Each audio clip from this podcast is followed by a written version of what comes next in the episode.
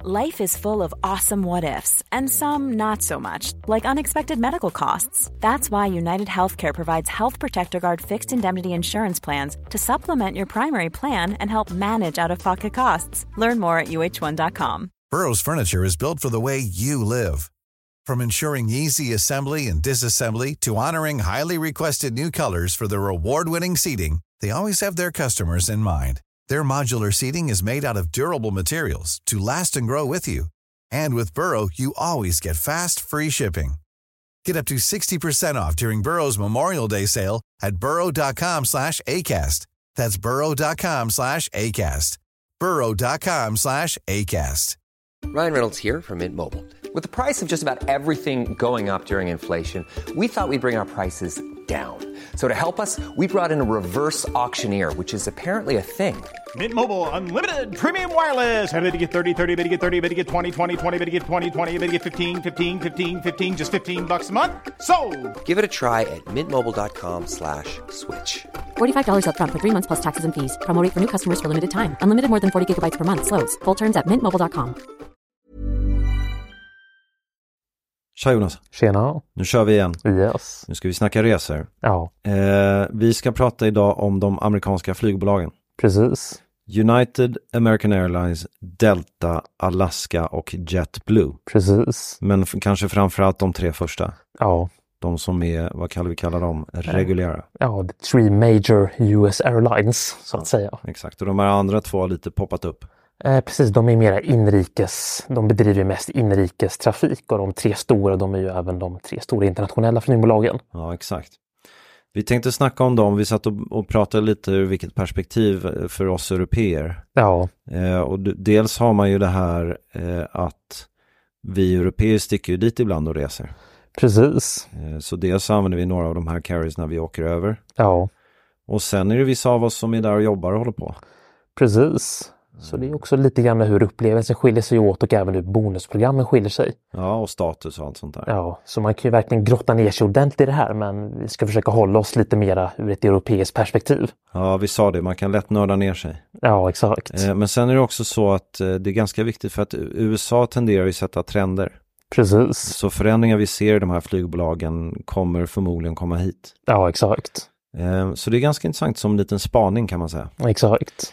Okej, eh, bra, det ska vi prata om. Innan dess så bestämde vi att vi skulle pr- nämna lite mer om eh, vår gruppchatt. Precis. Nu är den ute. Ja, Så att om man går in i vår app och, och, ti- och klickar på en tillbaka-pil uppe i vänstra hörnet, då får man möjligheter att skapa grupper där. precis. Eh, och då, det är ju till för alla som, eh, dels så, så håller vi på rätt mycket nu med gruppresor med event och, och konferenser och sånt där. Ja, Där är det ju väldigt relevant. Eh, och vi har ju massor av affärsresenärer som använder den här gruppchatten. ja, För att bjuda in assistenter till exempel. exakt. ehm, som, som är med och bokar resor. Men sen är det också så här om man tänker att man ska iväg på en eh, kompisresa. Ja, Eller en f- större familjeresa. exakt.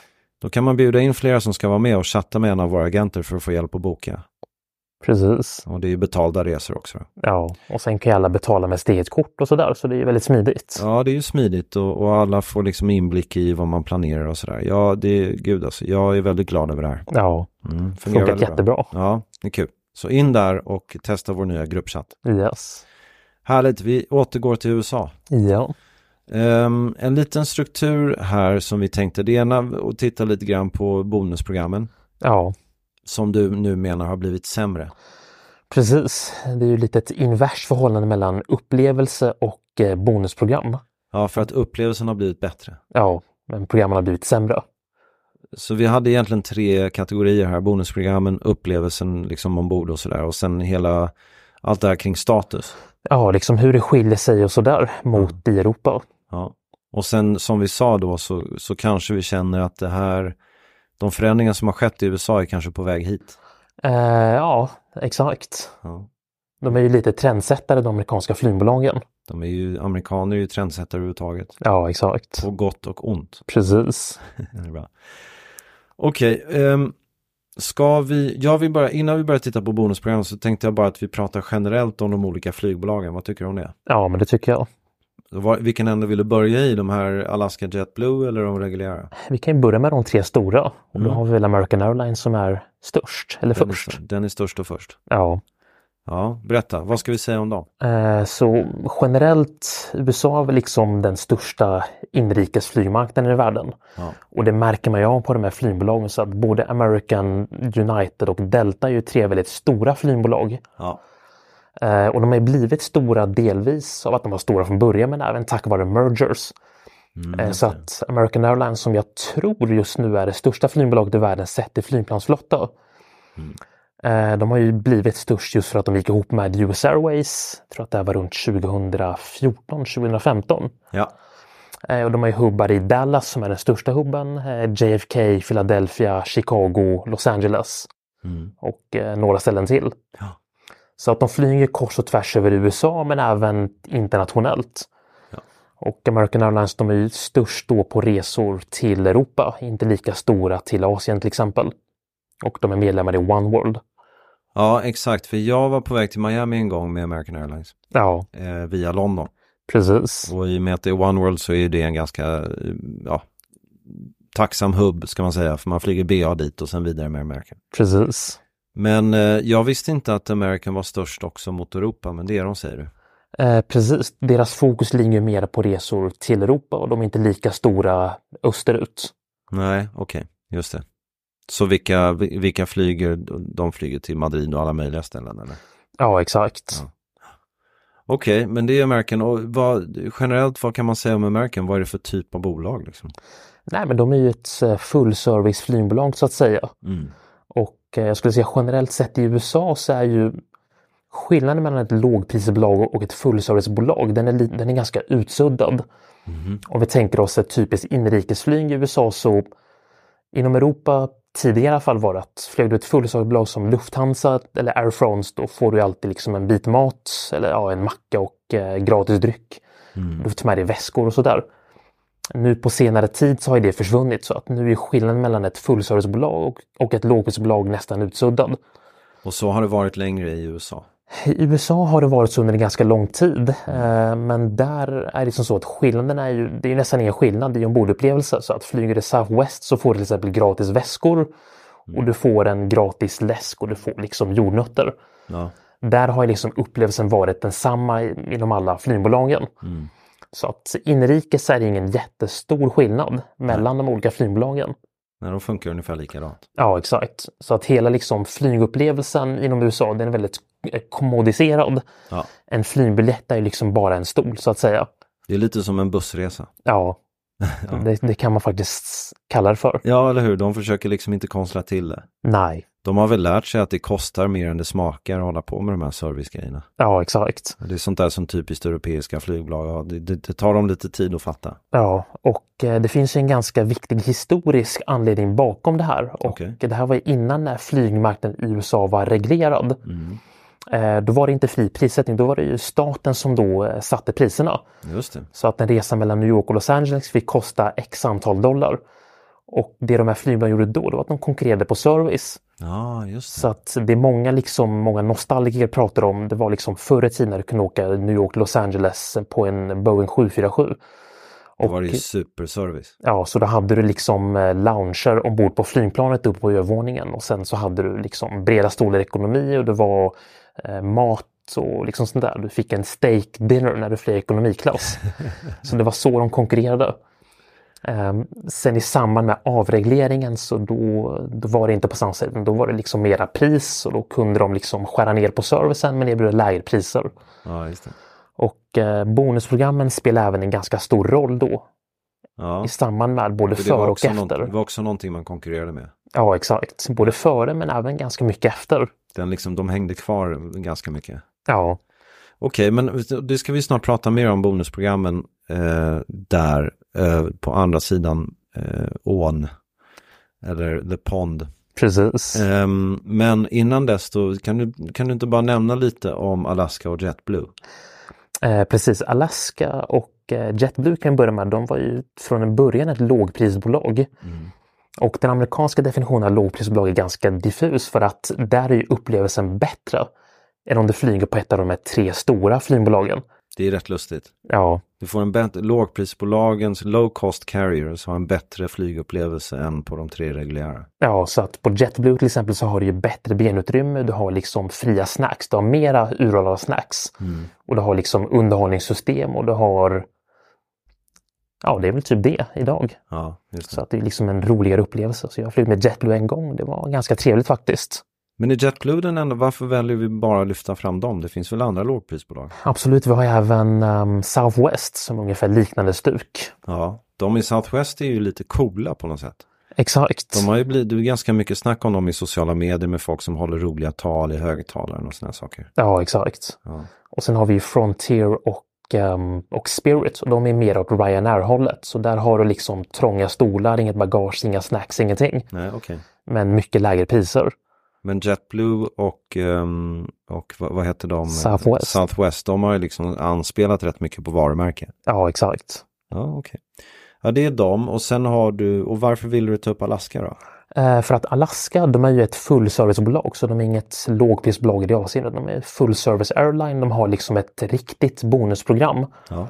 Eh, Men de fokuserar ju mera regionalt. för De flyger ju inrikes i USA till Kanada och Mexiko och Karibien. Mm. Men de bedriver ingen, liksom, in, in, ingen inter, interkontinental trafik. Så de flyger inte till Europa eller till, till Asien. Nej, okej. Sen, okej, bra. Men nu är vi redo att gå in lite grann i bonusprogrammen. Och då, vi satt och snackade innan och, och liksom det viktiga, det, det ska ju vara relevant för oss svenskar som lyssnar. Och det är väl egentligen grejen är att det är ju det här med trender. Ja, eller vi, vi har väl inte nämnt United och eh, Delta riktigt. Jo, men det har vi gjort. För Jag tänkte att liksom de Ja. grupperades lite i samma grej. Du pratar egentligen om reguljära flygbolag. Ja, exakt. Eller, eller vill du säga någonting mer om United utöver American Airlines och Delta? Nej, utan jag skulle säga att de är väl ganska snarlika. Så att United är ju med i Star Alliance. De har ju sin hubbar i Newark, eh, Denver, Chicago, Houston och Ja. San Francisco. Så att alla tre är ju ganska, de följer ungefär samma koncept. Ja, precis. Sen är de med i lite olika allianser och sådär. Ja, och sen har vi Delta som är med i SkyTeam. Ja, och SkyTeam som vi ofta säger är väl kanske den minst intressanta alliansen.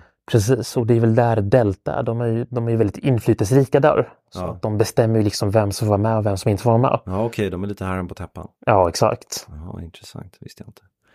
Okej, men, men, eh, men det är bra. Ska vi gå in på bonusprogram, Jonas? Absolut. Mm. Och vi, vi kan ju börja med liksom det här med att flyga med ett amerikanskt flygbolag. Hur den upplevelsen har förändrats ganska mycket. Jaha, så du tänker att vi, vi kör upplevelsen ombord och sånt innan vi börjar pra- prata om bonusprogrammen? Ja, Mm, okej, Eh, så så det att har vi- blivit bättre menar du? exakt. Så vi kan gå tillbaka till hur det var runt um, tidigt 2000-tal till tidigt 2010-tal. Okej, Just därefter 11 september så hade ju amerikanska flygbolagen ett väldigt dåligt rykte. ja, Eh, Det var gamla och slitna flygplan, det var liksom dåliga besättningar, loungerna var skräp.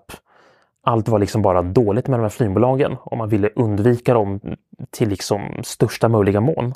Ja, det är intressant. Jag tycker att jag, jag tittar på lite bilder från loungerna på den tiden och det, det är precis som du säger, det är verkligen skräp alltså. Ja, exakt. Otroligt deppiga eh, eh, små rum Ja, med, som känns som någon sån här nästan DDR-bricklunchgrej liksom. Om man precis. nu hårdrar det lite, men, Ja, men eller hur, väldigt oinspirerande.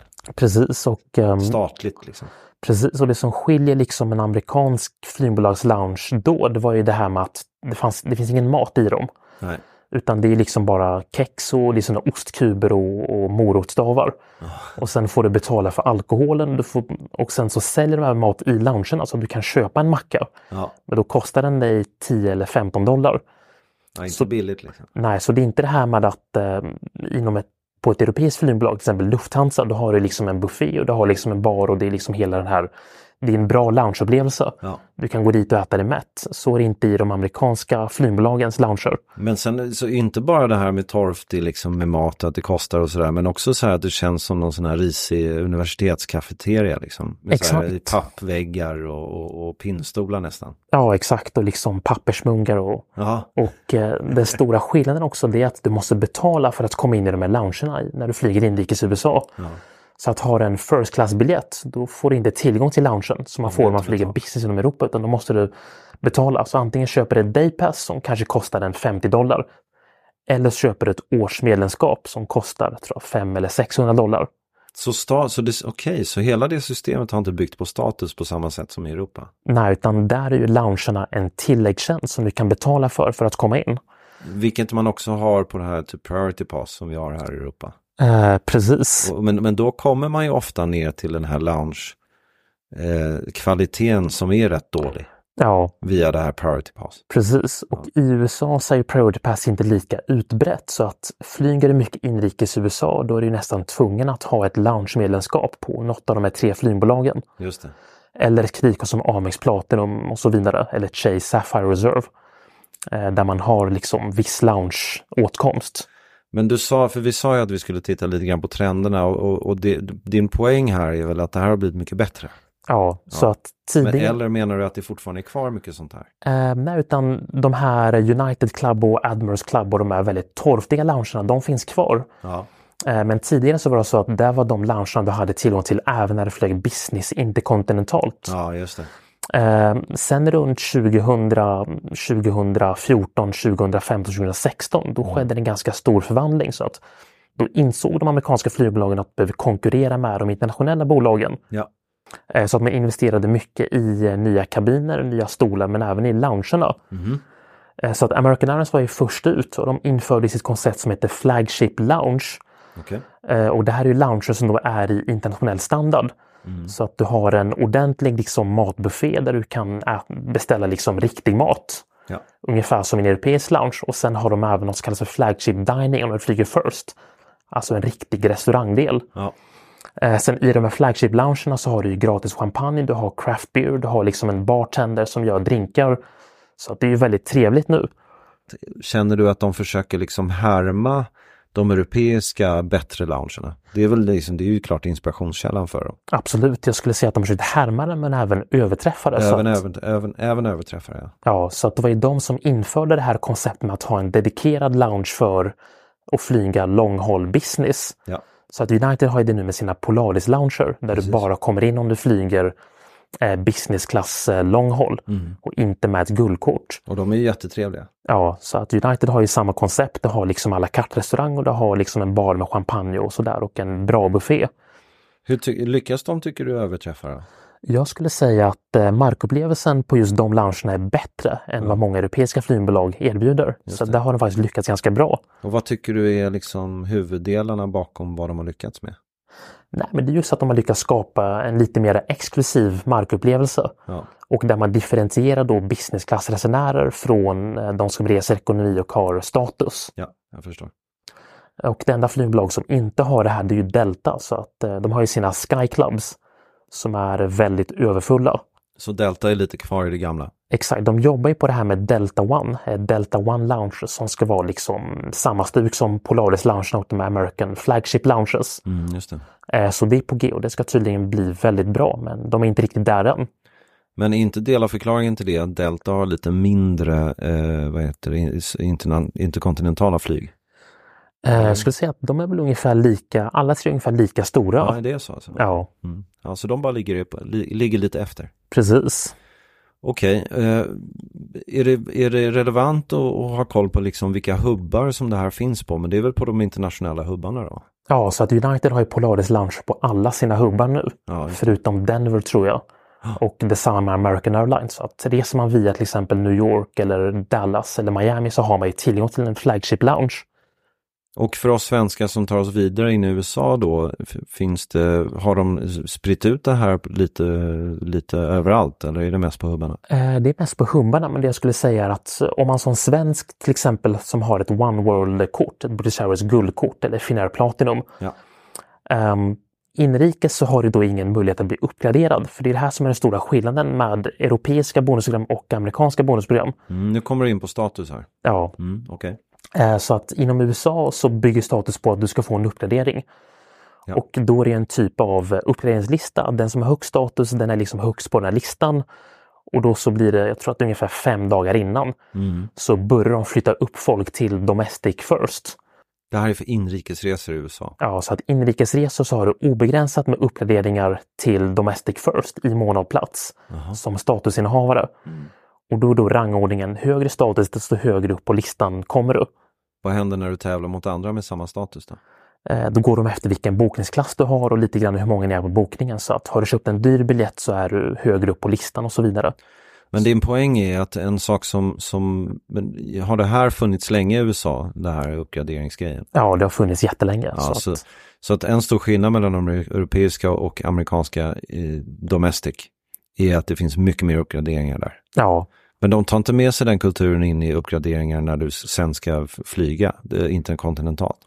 Eh, nej, utan där får du även uppgraderingar, men då är de begränsade. Så då får du vouchers som du kan använda för att uppgradera. Just det, det är mycket mer likt det europeiska. Ja, så att det här med obegränsade uppgraderingar, det är ju bara ett amerikanskt fenomen. Och eh, just för att, eh, just för att de här first class-stolarna, att de, att de ger bort dem till uppgraderingar, då har även påverkat kvaliteten. Så att, att flyga domestic first i USA, det är väl kanske ingen superupplevelse. Nej, det är intressant och, det, och där kanske vi ska vara lite tydliga med lyssnarna här för att man blir lätt förvirrad när man pratar om first class i USA för att det finns något som heter domestic first. Och det är ju liksom, det är ju steget ovanför economy class. Ja, och det är en gammal kvarleva från tiden där det var, där flygmarknaden var reglerad. Ja, exakt. Och det heter first class och det är ju sämre än, än long haul business. Eh, precis, eller det motsvarar väl ungefär short haul business class. Ja, exakt. Så att American Airlines till exempel, de kallar det för first class inom USA, men så fort du åker till Mexiko och till Karibien så heter det business class. Och även United, så att det är väldigt förvirrande det här systemet. Men Ja, ja. first class, det är alltså på inrikesflyg. Nej, men vi pratade ju i början på det här avsnittet om att det finns vissa trender som vi kanske ser komma först i USA och, och det vi har pratat om här är att de har ju haft mycket fokus på markupplevelsen. Ja, Och det har ju förvisso Europa haft länge men det känns som när, när USA hoppar på det här så känns det kanske som någonting som kommer att hålla i sig. precis. Eh, för det jag ser framför mig är att nu har ju de europeiska flygbolagen inga dedikerade long haul business lounger. Det här med Polaris lounge och flagship lounge. Just det. Det konceptet finns inte i Europa, men jag skulle förmoda att det kanske kommer i framtiden. Ja, Att man- f- ja f- precis, för att, för att hittills så har det ju handlat om att du kommer in i en lounge när du har status. Ja, Men nu menar du att det, är liksom, det handlar om hur du flyger. Ehm, exakt, så att i Europa nu till exempel, vi kan ju ta SAS-loungen till exempel. Köper du en businessbiljett till New York för 30 000 så är det i samma lounge du går in i när du flyger SAS Plus. Ja. Och eh, har du SAS guldkort så har du tillgång till en bättre lounge än den vanliga SAS business-loungen. Det, och det kan man ju förstå hur vissa tycker är lite konstigt. Det är lite konstigt för att man vill ju ha en bättre markupplevelse när man flyger på en dyrare biljett. Ja. Ehm, och det jag skulle gissa är att europeiska flygbolag side kommer ta efter det här konceptet så att flyger man till exempel då Lufthansa Business så ska Lufthansa då ha en riktig business lounge för de som flyger långt i business Ja. med liksom alla servering och allt det här. Nu har ju Lufthansa en First Lounge som är deras top tier lounge och det är väl kanske inte helt sannolikt att de kommer vilja gå över till att ha en premium business lounge. Nej, okej. Eh, Men det är inte helt osannolikt att det här konceptet kommer komma i framtiden. Men bara som generell grej så, så, så verkar det som att det här har tagits emot väl i USA. Ja, Och liksom att den som känner att de flyger business och har betalat för det känner att nu vill jag ha en bra markupplevelse bara för mig. Liksom. ja, exakt. Så det kan man ju se som en trend som förmodligen håller i sig. Ja, så det är inte osannolikt att det kommer en sån här long haul business lounge i framtiden och de som flyger Europa business och status kommer in i en sämre lounge. Okej. Ungefär som det här med United Club och så vidare. Ja. Ja men okej, men då fattar jag. Men, och sen så sa du att, eh, du nämnde i början att det finns något sån här i- inverst förhållande. Att du, du har sagt att liksom markupplevelsen i USA för interkontinentala resor har blivit bättre. Och, och flygbolagen, de, de, har finare kabiner och sådär. Men bonusprogrammen anser du har blivit sämre. Exakt, så att eh, amerikanska flygbolag de var ju dåliga att flyga med men de hade bra bonusprogram. Ja, just Och det. nu har de lite bättre att flyga med men de har fått sämre bonusprogram. Men eh, förlåt, men innan vi går in då på bonusprogrammet, för att nu har vi nämnt att markupplevelsen är bra, men har de blivit bättre att flyga med? Är det Finare kabiner och sådär också? Eh, jag skulle säga att kabinerna har väl blivit bättre i linje med övriga branschen så att Ja. eh, Delta har ju sina Delta One Suites där du kan liksom, du har en dörr som du kan stänga igen. Och även United med sin Polaris Business så att de har investerat mycket i ombordupplevelsen. ja. Och sen har ju då, de var ganska tidiga med det. Och sen har ju nu de europeiska flygbolagen kommit ikapp. Men för det är ganska relevant för våra lyssnare som ju säkert när de reser till USA tänker, ja men vilket amerikanskt flygbolag ska jag välja när, när jag flyger över Atlanten? Ja, För det finns ju i alla fall från Sverige så är det ju ganska, alltså, du kan ju välja United som direkt flyger, som till exempel flyger direkt i New York ja, från Stockholm och sen kan du ju ta då via London och flyga American Airlines och sådär. Precis. Men många har ju varit lite rädda för de här och tycker att de har ju ett ganska sunkigt rykte. Men är det, bo- är det borta nu? Jag skulle säga att det är mestadels borta men om vi, om vi tar hårdvaran så brukar amerikanska flygbolag vara bättre än europeiska. Ja, just det. Nu Eh, för tiden. Precis nu för tiden till exempel United har ju sin Polaris Business eh, med 121 där du har liksom som en liten, inte som en svit men du har liksom en väldigt privat stol. Ja. Eh, Den finns på större delen av flottan förutom då de här Boeing 757 som går på Arlanda. ja. så den produkten är just ganska dålig så den vill man nog kanske akta sig för. Mm, det är bra att veta. Ja. Eh, Däremot så är den mjuka servicen kanske inte på samma nivå som europeiska. Nej, exakt. De har inte... Det är ju lustigt. Eh, Amerikaner ska ju vara så bra på service. Ja. Eh, Maten skulle jag säga den är väl kanske lite sämre än de europeiska flygbolagen och viner och champagne men det är ändå, ändå bra skulle jag säga. Ja, det var väldigt dåligt. Det var dåligt, det har blivit bättre och det är väl, ja, jag skulle säga att det är ungefär likvärdigt men lite annorlunda. Mm, Okej, men det är bra. Så man behöver inte vara rädd för det helt enkelt. Nej, så det, det är väldigt amerikanskt anpassat. Okej, och sen har vi då bonusprogrammen och där vill vi ju först bara säga att det är inte sådär, alltså amerikanska bonusprogram är inte så relevant för oss europeer att ha koll på. Nej, Med, med- med undantaget att, att det de gör där förmodligen rör sig hit. ja, Så, så ur det perspektivet att det är en trend, det tycker jag är intressant att prata om. precis. Så berätta, vad är, vad är det som händer i USA med deras bonusprogram nu då? Eh, så tidigare då så var ju programmen väldigt generösa. Ja, Eh, de har ju det här miles, det var ju det här begreppet miles som föddes i USA. just det. Och American Airlines var ju först med att introducera ett helt distansbaserat bonusprogram.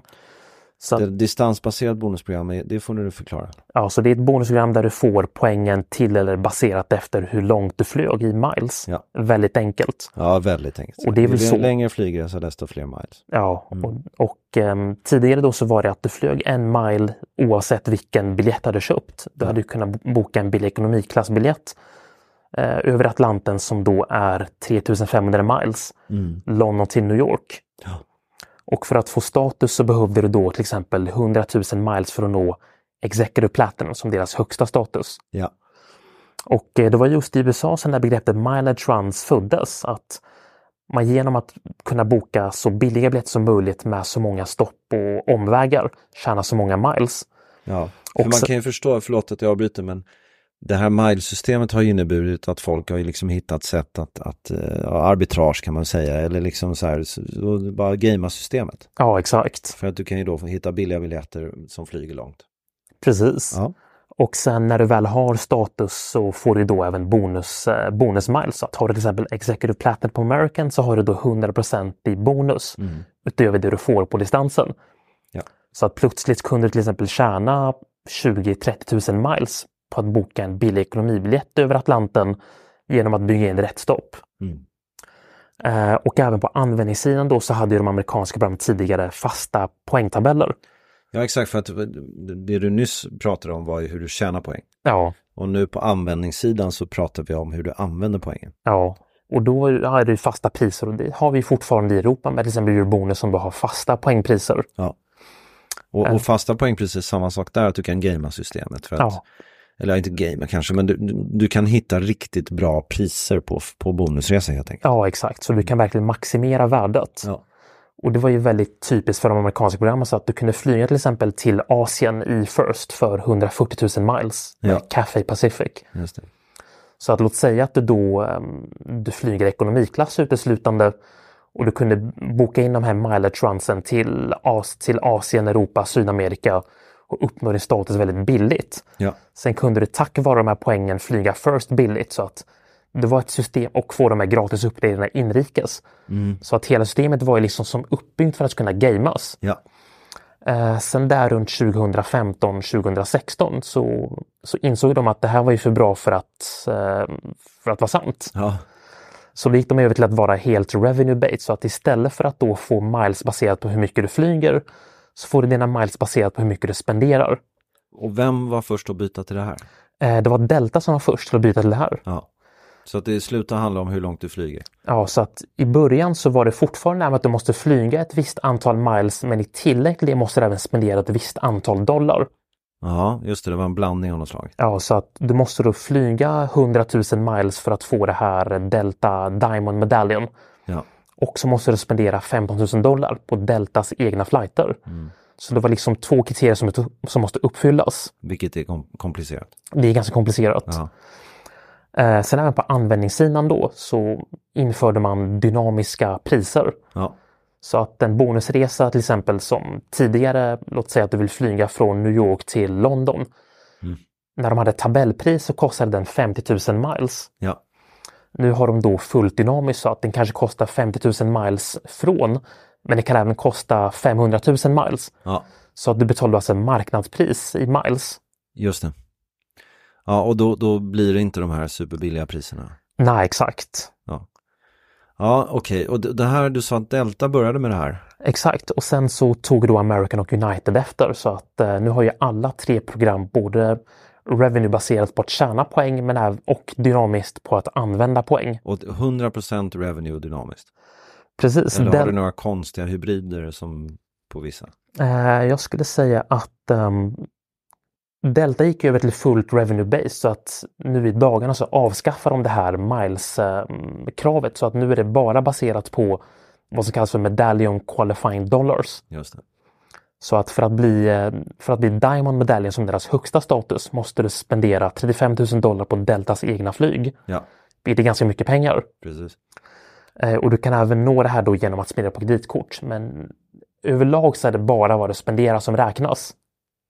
Ja, det är bra. Men, men, och, och exakt, så att det det här möjligheten att gamea systemet på att flyga ihop poäng börjar försvinna. Eh, Det börjar försvinna men det är möjligt då på vissa när du flyger med partners. Så att till exempel samlar du poäng hos Delta och du bor i Europa så finns det fortfarande vissa möjligheter att gamea sig genom att flyga med SkyTeam-partners. Men grejen är, det har ju ändå blivit en ganska begränsad grej. Det som är stort nu är, är ju kreditkort. Ja, Och det är kvar i USA, absolut. där du kan tjäna en himla massa poäng på kreditkort. Ja, exakt. Och, och då är det lite strunt samma vad som händer på det här med hur mycket du flyger och tjänar. Ja, Egentligen. exakt. Utan många börjar ju tjäna seriösa poäng på kreditkort istället. Precis. Och det är ju något som är på väg nu till Europa. Så att vi ser ju till exempel både SAS och British Airways och Flying Blue. De kapitaliserar mycket på sina kreditkortssamarbeten. Ja, exakt. Men sen är ju då frågan, och det är också en sån här trendfråga, vad är det som händer på andra änden där man, då man ska man spendera sina poäng? Och där Precis. verkar ju en trend vara då den här dynamiska prissättningen, att ju dyrare en biljett är i grunden, desto fler poäng kostar den. Exakt. Eh, om vi går tillbaka till de europeiska flygbolagen då så att att tjäna poäng, nu har ju både Miles and More, British Airways och Flying Blue, liksom de tre stora europeiska flyg, de har ju gått över till en helt s- spänbaserad intjäningsmodell. Ja, men inte, inte den andra sidan. Så att säga. Nej, utan det är egentligen bara Flying Blue som fortfarande har en helt dynamisk modell för att använda poäng. Ja, Så att både British Airways och eh, Miles and More, de har ju fortfarande fasta priser på användningssidan. precis. Även om det kanske är på väg att komma in sån här fullt dynamisk, men det är inte riktigt där än. Nej, okej. Men tror du att det är en trend att vi är på väg dit?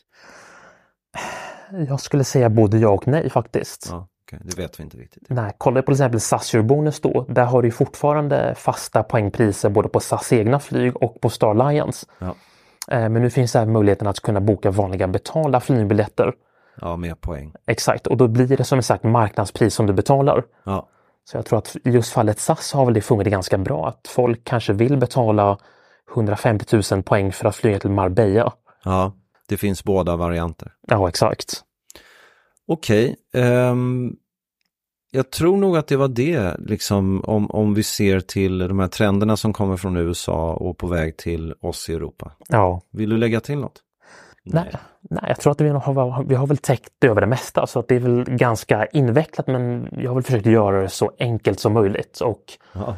om ni har några frågor eller vill liksom ha förtydligande frågor så är det bara att skicka DM till oss på Instagram. Exakt, det, sa, det börjar vi nu med att vi ska säga i slutet på varje podd att in på Instagram och skicka oss frågor. Eh, och känner vi att de är liksom väldigt intressanta så lyfter vi dem till alla. Absolut, då tar vi upp dem i nästa avsnitt. Ja, kan vi också göra. Precis. Ja. Okej, ja, men det var det hela då. Yes, Tack Jonas. tack. Hej. Ciao. Mom deserves the best, and there's no better place to shop for Mother's Day than Whole Foods Market. They're your destination for unbeatable savings, from premium gifts to show-stopping flowers and irresistible desserts. Start by saving 33% with Prime on all body care and candles. Then get a 15-stem bunch of tulips for just $9.99 each with Prime. Round out Mom's menu with festive rosé, irresistible berry chantilly cake, and more special treats. Come celebrate Mother's Day at Whole Foods Market. Planning for your next trip? Elevate your travel style with Quince. Quince has all the jet setting essentials you'll want for your next getaway, like European linen, premium luggage options, buttery soft Italian leather bags, and so much more. And it's all priced at 50 to 80% less than similar brands. Plus, Quince only works with factories that use safe and ethical manufacturing practices. Pack your bags with high-quality essentials you'll be wearing for vacations to come with Quince. Go to quince.com slash trip for free shipping and 365-day returns. Planning for your next trip? Elevate your travel style with Quince. Quince has all the jet setting essentials you'll want for your next getaway, like European linen, premium luggage options, buttery soft Italian leather bags, and so much more. And is all priced at 50 to 80% less than similar brands. Plus, Quince only works with factories that use safe and ethical manufacturing practices. Pack your bags with high-quality essentials you'll be wearing for vacations to come with Quince. Go to quince.com/pack for free shipping and 365-day returns.